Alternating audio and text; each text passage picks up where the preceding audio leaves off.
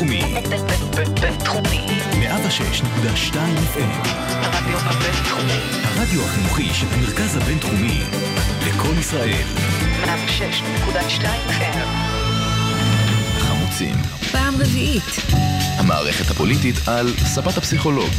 עם הפרופסור בועז בן דוד והפרופסור גלעד הירשברגר.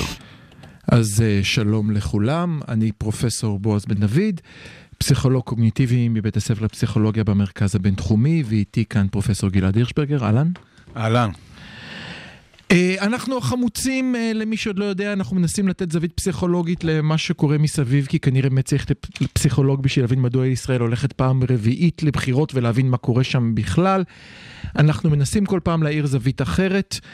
בחלק הראשון של היום, דרך אגב, יש שם עוד חלקים, מישהו שומע אותנו בלייב, לכו לספוטיפיי, חפשו, הכל נמצא שם, ויהיו עוד קטעים מעניינים היום, אז אל תברחו.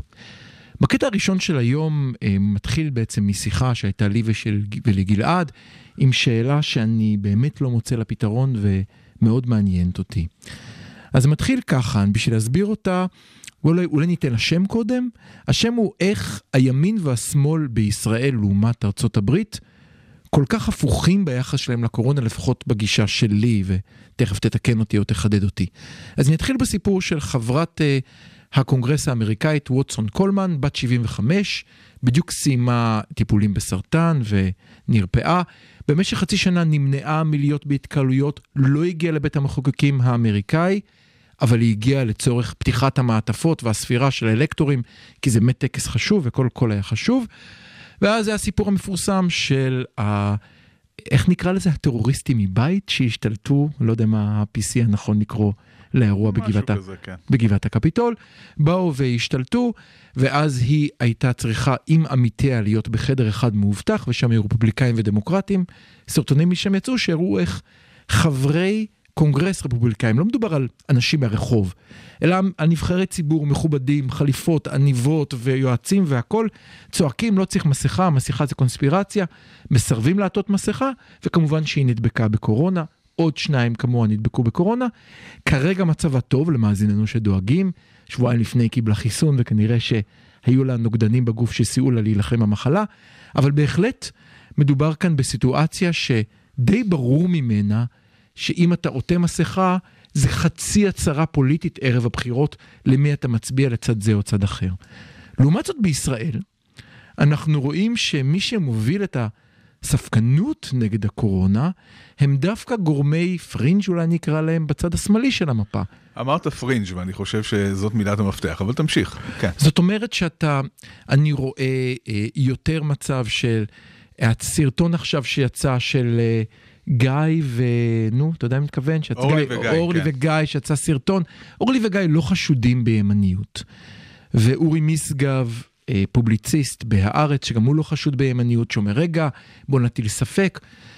זאת אומרת, אני, אני, אני מנסה להבין איך זה יכול להיות שהימין בישראל, ההארדקור ימין בישראל, אלה שתומכים בטראמפ, שהלכו עם תמונה של טראמפ בקמפיין והולכים עם דגלי ארצות הברית וכאלה, מתחסנים, מדברים על חשיבות הקורונה, ואילו בארצות הברית זה הפוך. אז נכון שזה לא במאה אחוז, אבל משהו כאן לא מסתדר לי, בוא תעזור לי. כן, יש משהו שלא מסתדר, אבל קודם כל מהשאלה עצמה, מהדרך שבה הצגת את השאלה, ברור שהדברים לא הפוכים. כמו שאתה אה, מנסה אולי קצת לתאר אותם. אתה חייב אה, להיות פסיכולוג, אה? איך שאתה כן, מציג את השאלה. בכל זאת. וכבר אני אשאל אותך, תגיד לי, אתה, רואה את חברי הכנסת של אה, מרצ מסתובבים בלי מסכות ואומרים, אנחנו לא מאמינים בקורונה? לא, לא, לא, לא. נכון, זאת אומרת שכבר אנחנו רואים כאן איזשהו פער מאוד גדול בהקבלה הזאת, אין ממש הקבלה כפי שאתה מתאר. אתה צודק, אבל, כן אבל יש? רגע, אבל, רגע. רגע, לא, אני, אני חייב רגע. אתה לא, אתה אמנם רואה זלזול ב, בתקנות הקורונה אה, דר, על ידי השרים בממשלה וחברי הכנסת, אבל אתה לא תראה בפומבי חבר כנסת מהימין בא ואומר, הקורונה זה קונספירציה של השמאלנים, אל תעטו מסכה. נכון, עכשיו כאן איפה ההבדל באמת? ההבדל הוא בדבר אחד מאוד פשוט, המנהיגות. יש לנו שני מנהיגים ימניים, אחד בישראל ואחד בארצות הברית. מהמם. זה שבארצות הברית הוא, הוא בדרך אה, החוצה ממש בימים... חכה, אה, אלה. כן, חכה. נכון, ככה זה נראה לפחות. גם על זה אפשר אה, להמשיך ולדבר. כן. הוא מהרגע הראשון של הקורונה, Mm-hmm. התייחס בזלזול לכל העניין הזה. מהמם. הוא קרא לזה הקאנג פלו, הוא אמר שזה בסך הכל אה, שפעת. נכון. אה, הוא סירב בעצמו לעטות אה, מסכה. הוא נדבק בקורונה בעצמו? הוא נדבק בקורונה בעצמו. אה, הוא התייחס לכל העניין הזה בביטול ולא לקח את זה ברצינות.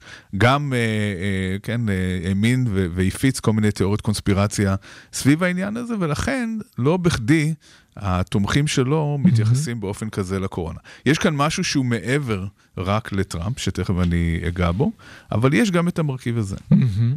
התגובה בישראל הייתה הפוכה. מנהיג הימין בישראל, נתניהו, במרץ שעבר, אם אתה זוכר, אם בהחלט. אתם זוכרים את, ה, אה, את- מסיבת העיתונאים הראשונה אה, על הקורונה, אה, רוב האנשים ששמעו את נתניהו מדבר אז יצאו מפוחדים מאוד.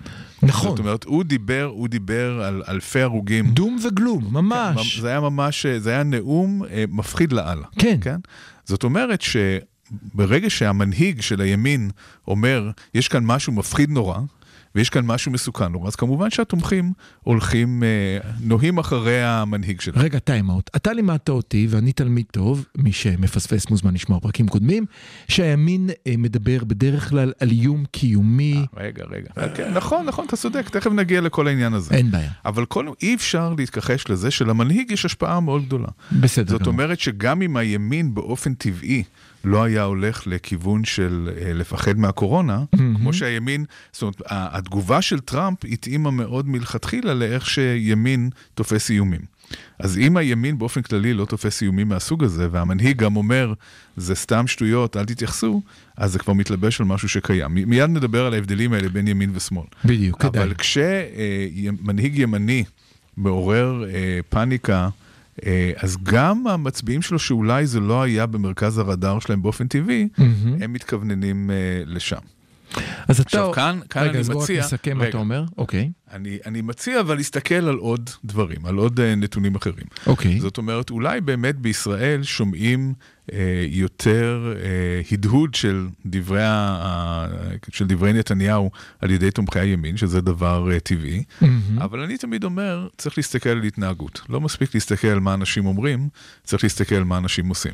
אוקיי. אז איך אנחנו יכולים לבדוק התנהגות? התנהגות אפשר להסתכל למשל על אה, המפה הארצית של קורונה שמ- שמתעדכנת מדי יום, ולראות איזה אזורים הם האזורים היותר אה, נפגעים ואיזה אזורים פחות נפגעים.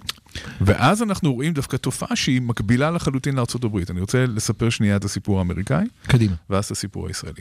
הברית מה שקרה, בהתחלה נפגעו הערים הגדולות. נכון. למה? בגלל שערים גדולות יש בהם הרבה אנשים, ועוד לא הייתה מספיק מודעות, אז ניו יורק חטפה בצורה מאוד חזקה בהתחלה. נכון.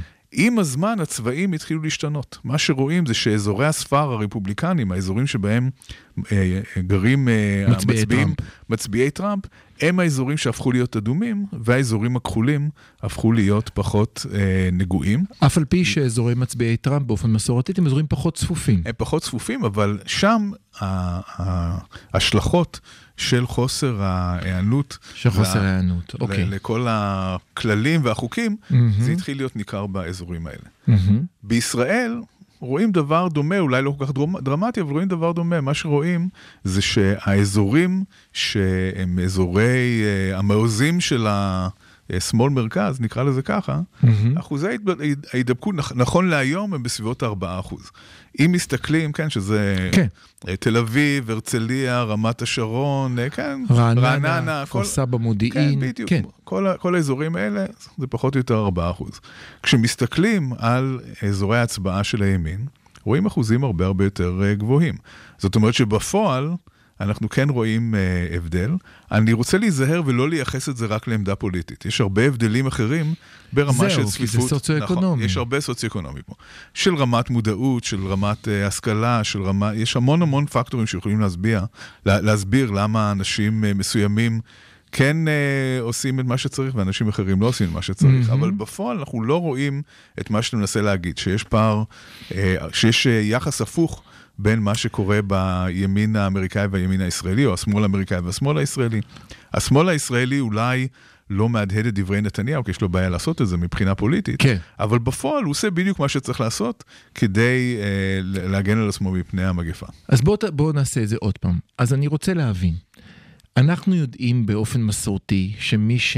אם נסתכל בפוליטיקה העולמית, תקן אותי אם אני טועה, מי שמתייחס יותר אל מדע, מי שמתייחס יותר אל איומים שמתקדמים לאט, שיקרו אם לא ניזהר עכשיו, זה אמור להיות השמאל, ומי שאומר זה לא חשוב, מה שחשוב זה האיום של כאן ועכשיו, אמור להיות הימין. זה לא רק אמור להיות, זה ככה ממש קורה. אין, זאת אומרת, מה שאנחנו מהמם. רואים, אני רק רוצה לחדד את הדברים שאמרת, בוודאי. מה שאנחנו רואים, ואנחנו רואים את זה בכל רחבי העולם, אספנו נתונים מ-22 מדינות שונות כדי להראות את זה, אנחנו רואים שימנים תופסים איומים פיזיים, אה, איומים שהם אה, אה, לוקאליים, שהם מקומיים. ומאוד מוחשיים. כן, אז דברים כמו טרור, כמו טילים, מנהרות, אה, כן, כל הדברים האלה הם דברים שימנים תופסים יותר טוב משמאלנים. מהמם. שמאלנים תופסים יותר טוב איומים שאין בהכרח כוונת מכוון, זאת אומרת שאין מישהו שמאיים, אלא איומים שמתפתחים יותר לאט והתממשו באיזשהו שלב אה, מאוחר יותר. למשל, האיום האקלימי זה דוגמה אחת, כן. כן, ההתחממות הגלובלית, אה, מגפות זו דוגמה אחרת, כמו הקורונה, ואנחנו רואים בכל רחבי העולם יש אה, אה, ממצא מאוד ברור. שמראה שליברלים תופסים את האיום הזה כיותר חמור מאשר אה, קונסרבטיבים. אה, אין מדינה שלא רואים את זה בה, וגם אה, התפרסם ממש לאחרונה באחד הז'ורנלים הפסיכולוגיים היוקרתיים מחקר ישראלי, שמראה ששמאלנים יותר מודאגים מהקורונה מאשר ימנים, אז שתומך גם ברעיון הזה. כאן, כאן יש לומר עוד, עוד דבר. אז עדיין, שוב, אני, אני מצטער שאני חותך אותך. אני שומע מה שאתה אומר ואני מכיר את זה ואני תלמיד טוב, וזה גם נשמע הגיוני. ואני עדיין מנסה להסתכל ולהבין מדוע אה, אה, הביביזם, שהוא כאילו דומה לטראמפיזם בהרבה דברים ומובנים, אומר מדע זה טוב, מדע זה חשוב, בוא נלך למדע, בוא נשקיע כסף במכון החיסונים הישראלי, אז אם לא נלך למכון אני החיסונים לא יודע איפה הבינלאומי... אתה שומע את זה. אני אני, אני שומע... רואה את ביבי מדבר ככה. אני שומע דברים אחרים. תש... אם תקשיב לפרשנים של הימין, אוקיי. הם יגידו לך דברים אחרים לגמרי. אה, אבישי אה, בן חיים, למשל, כן, כן. אה, כשהייתה איזושהי אפיזודה קצרה, כן. שפתאום הייתה ירידה בתחלואה בקרב חרדים, כן, הוא המיסטיקה. אמר, האמונה ניצחה את המדע. הוא ישר קפץ ואמר, כן. כן, זאת אומרת שהאנטי, אה, אה, הגישה האנטי-אינטלקטואלית, האנטי-מדעית, היא עדיין נחלת הימין ולא השמאל. אז מה ביבי עושה? מה שכאן יש זה אמון במנהיג. זאת אומרת שכשביבי נמצא בשלטון, אז יש אמון במנהיג. מאמין, אם הוא אומר צריך לעשות ככה, אז אנשים מביעים בזה אמון, ובצד השני של המפה בשמאל מטילים יותר ספק. זה לא אומר שהם אנטי-מדעים, זה לא אומר שהם לא עושים את מה שצר, שצריך לעשות, אבל כל הזמן מקנן בהם איזשהו ספק שאולי המנהיג הזה... אה, עושה את הצעדים שהוא עושה לא מתוך סיבות רפואיות בלבד. אולי ישנן סיבות פוליטיות שעומדות מאחורי זה. אז למשל, אם ניקח את הסגרים, כן, אה, יש אה, הרבה מאוד דעות בעולם האפידמיולוגיה והמדע, שאומרות שסגר הוא מוצא אחרון, שלא עושים סגר גם כשהתחלואה עולה, כי סגר בסופו של דבר לא מציל חיים בפני עצמו. מה שהוא עושה, הוא משטח את העקומה, הוא עוזר לבתי חולים להתמודד יותר טוב עם המצב. אז הרבה אנשים בשמאל הפוליטי אולי יגידו, או אולי אה, יתהו, האם הסגרים האלה הם באמת נחוצים? אולי הייתה דרך אחרת לטפל בבעיה. זה לא הכחשה של קורונה, זה לא הכחשה של החומרה של הבעיה, זה הטלת ספק או הטלה או, או הצגה של שאלה לגבי ד- המדיניות שאיתה מתמודדים. אז אני רוצה להוסיף עוד שני דברים קצרים למה שאמרת. אחד, זה קצת נשמע כמו רק הימין יכול לעשות שלום. אתה מבין מה אני מתכוון? זאת אומרת שאם השמאל היה אומר תעטו מסכה, תתחסנו, תשארו בבית, הימין היה אומר נו נו נו, אבל כשאומר את זה מנהיג הימין, השמאל מציית לכך בגלל שהוא רואה בזה שכל, ואתה אומר חלק מהימין זורם עם זה בגלל שביבי הוא המנהיג והוא אמר. שוב, הימין יכול לעשות שלום, או הימין יכול להתמודד עם מגפה במשחק אה, שאמרת. זה רעיון מאוד מעניין מה שאתה אומר, אה, ויש לו כל מיני תימוכים. תראה, אחד הדברים המעניינים שאנחנו רואים אה, בסקרים בארצות הברית במיוחד Mhm. לגבי העניין של compliance עם, עם כל החוקים, זה איך גבריות משחקת פה משחק. גבריות. כן, כן. מה שמסתבר זה שגברים אמריקאים עוטים אה, מסכות הרבה פחות מאשר אה, נשים. עוד פעם אנחנו ו- דופקים את הכל. כן, כי uh, עטייה של מסכה נראית לא גברית. אתה לא נראה גיבור במיוחד כשאתה שם uh, מסכה כל פעם שאתה נכנס uh, לחדר עם עוד אנשים. אה, כן, זה לא, גם, גם טראמפ. עצמו, גם טראמפ עצמו כן. שידר את זה כל הזמן, נכון, הוא סירב, נכון. הוא סירב לעטות מסכה, כי זה בעצם מציג אותו כמישהו קצת פחדן. כן, אני, אני מודה שאולי אני- השמאלנות הדפוקה שלי, אבל בעיניי לשים מסכה זה אומר, אני בן אדם מתחשב שאכפת לו, וכאילו אם מישהו לא, לא עם מסכה ואני מסתכל עליו, אני מרגיש אליו תחושות שליליות ולא תחושות חיוביות. לא מרגיש יותר גבר, אבל אוקיי. כן, אז זה, זה באמת אתה, ואתה נמצא במיעוט, וכל הכבוד לך, זה, זה באמת, אה, זה, זה יפה שאתה אומר את זה, כי זה באמת התחשבות בזולת. אבל מי שרוצה להרגיש רמבו, לא מרגיש כל כך רמבו שיש לו מסכה על הפנים. אני רוצה להוסיף עוד נתון אחד. אה, עשינו עכשיו סוג, זה לא בדיוק סקר, עשינו סוג של מחקר ששותפים אליו עוד רבים. לא, מטרתו לא הייתה דווקא מה שאני הולך לספר לכם עכשיו בתחושות לקורונה, אבל על הדרך נבדקו עמדות פוליטיות, דרך הצבעה במועד ג' ושאלות שונות ומשונות בנוגע לקורונה. שאלה אחת שאני רוצה לדבר עליה, ובה חיברתי את מצביעי ליכוד פלוס ימינה, לעומת מה שקראתי לא ביבי, כחול לבן, ליברמן, עבודה מרץ.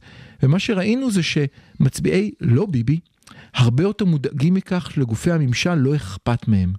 הם אומרים, גופי, פשוט, גופי הממשל לא אכפת להם, אני לא סומך עליהם, נכון. ולמרות זאת הם אלה שיותר עוטים מסכות, מתחסנים ושומרים על ריחוק, זה מה שאתה אומר.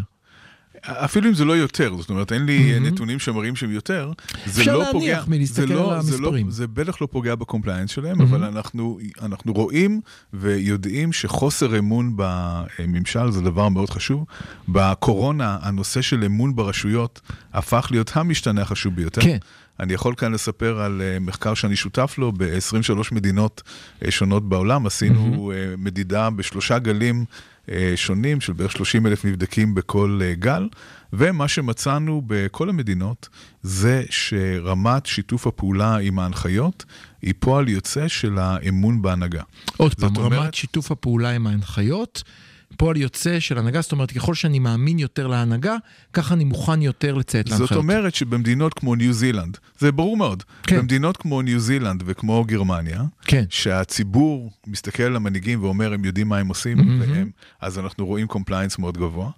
במדינות כמו ארצות הברית ובריטניה עכשיו, אני לא יודע אם אתה עוקב אחרי. מה שקורה עם בוריס, זה נורא. בבריטניה אה, יש מצב של כאוס אה, מוחלט, פחות. או יותר, בגלל שאף אחד לא מאמין לבוריס. אף אחד לא, לא חושב שהדברים שג'ונסון אומר אה, הם דברים שצריך לקחת ברצינות וליישם אותם. הוא ניסה עכשיו באופן אה, נואש כמעט לומר, תתנהגו כולכם כאילו אתם חולי קורונה. כן, הוא קיווה שאם אנשים ישמעו את זה, אז, אז הם יתחילו לשמור על ההנחיות כן. כן. יותר, אבל כשאין אמון ברשויות, אז יש בלאגן, אז אנשים לא, אה, לא עושים את מה שצריך. אני רוצה להוסיף לך עוד נתון אה, שקיבלתי ממאזין שלנו, דורי רייך, אה, שקשור למספרים בארצות הברית, ואני רוצה לדעת אה, מה אתה חושב על זה. מתברר שדווקא למרות מה שאמרת, אנחנו רואים שבאזורים היותר ליברליים, נניח, מיעוטים חולים הרבה יותר, חולים ומגיעים למצבי חירום הרבה יותר מאשר לבנים, בטח הרבה יותר מצעירים לבנים. מסיבות ברורות, אם חייבים לצאת לעבוד, אז מי שיש לו נשאר בבית, מי שאין לו יוצא לעבוד בכל מצב. אם אפשר לקחת מונית או סאבווי, מי שאין לו ייקח סאבווי וידבק בסאבווי. מי שיש לו ביטוח בריאות יקבל ביטוח, מי שלא ילך לבית חולים, רק שכלו כל הקיצים. ואז נטענה טענה מעניינת בקרב כמה מהוגי הדעות בארצות הברית, שלו המחלה הייתה פוגעת ב-1%, באלה הכי הכי עשירים, פוגעת בהכנסה שלהם, באורח החיים שלהם, דברים היו נראים אחרת. אך מאחר והיא פוגעת בסופו של דבר, אחרי הגל הראשון שפגע בכולם בניו יורק, היא פוגעת בעיקר או ברפובליקאים או במיעוטים, השחורים, ההיספנים, אז אפשר להמשיך קדימה, לא קרה כלום. כן, כל התיאוריות ההיפותטיות האלה, אני לא יודע מה להגיד לגביהם, אבל, אבל מה שאמרת הוא מאוד נכון ומאוד ברור. ויש סיבה לכך שבארצות הברית המצב הוא כזה ולא במקומות אחרים.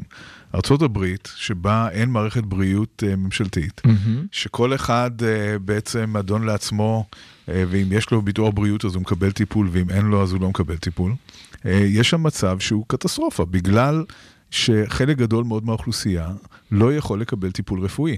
עכשיו, מה שאמרת, אמרת דבר אחד מקודם שאני רוצה להדגיש, כן. וזה שאנשים חולים יוצאים לעבודה בלית ברירה. כן, זה משהו שאנחנו לא רואים פה כל כך. כן? למה אנחנו לא רואים פה את אתה זה? מדבר בישראל. כן, אנחנו לא רואים את זה בישראל. כי ב- לגמרי. כי בישראל, אם אתה לא הולך לעבודה, יש מערכת שלמה שתפצה אותך, שתגן עליך, ברוב מקומות העבודה. ברוב כן. מקומות העבודה, נכון, לרוב יש, לא לכולם. יש מקומות, כן. יש מקומות שלא, אבל ברוב נכון. מקומות העבודה זה ככה. בארצות הברית באמת, אה, האנשי- בני המיעוטים שחיים מהיד לפה, שאין להם אפשרות להפסיד אה, יום עבודה, הם ילכו חולים, לא, אין להם ברירה. והם ייסעו בסאבווי וידביקו אחרים, נכון מאוד. אז בואו ננסה לסכם את, ה, את הפינה הזאת. אני התחלתי בשאלה למה יש פער בין שמאל לימין בישראל שהפוך מהפער בארצות הברית. אמרת זה לא הפוך, תסתכל על מעשים ולא על צעדים.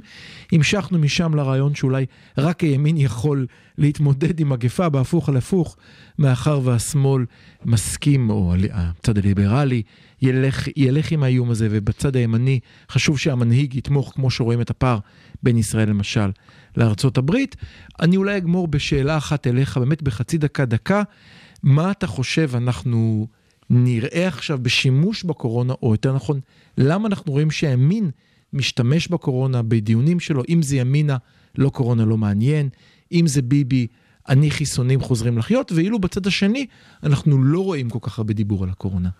תראה, אני חושב שבצד השני אנחנו לא רואים דיבור על הקורונה, כי הצד השני עוד לא החליט מה הוא רוצה לומר בכלל בשום נושא.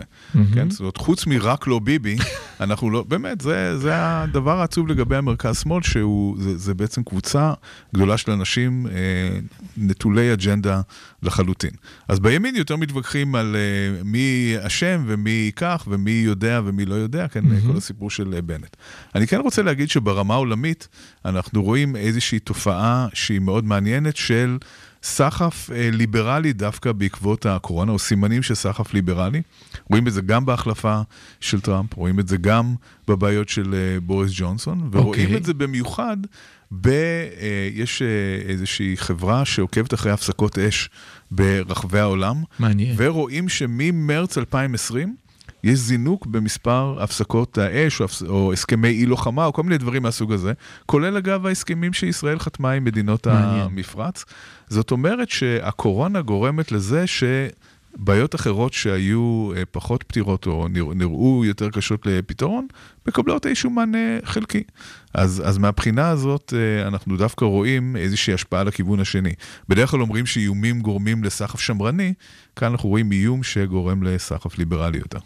אז אני רק אולי אוסיף שאולי זה גם קשור לבחירות שהיו ממש לי אתמול בצדו, מפלגת השלטון בגרמניה, שנבחר היורש של אנגלה מרקל, והוא נבחר הדמות הכי מתונה מכל החבורה שם. היו הרבה אחרים וחששו או חשבו שיזכו, והדמות באמת הכי הכי הכי ליברלית בתוך הצדו זכתה, איכשהו באמת תומכת בגישה שלה. אז אנחנו החמוצים, יש אחרי השיר עוד תוכנית, אם תשמעו אותנו בלייב, אם לא, חפשו את החלק הבא בפודקאסט, כדאי לכם.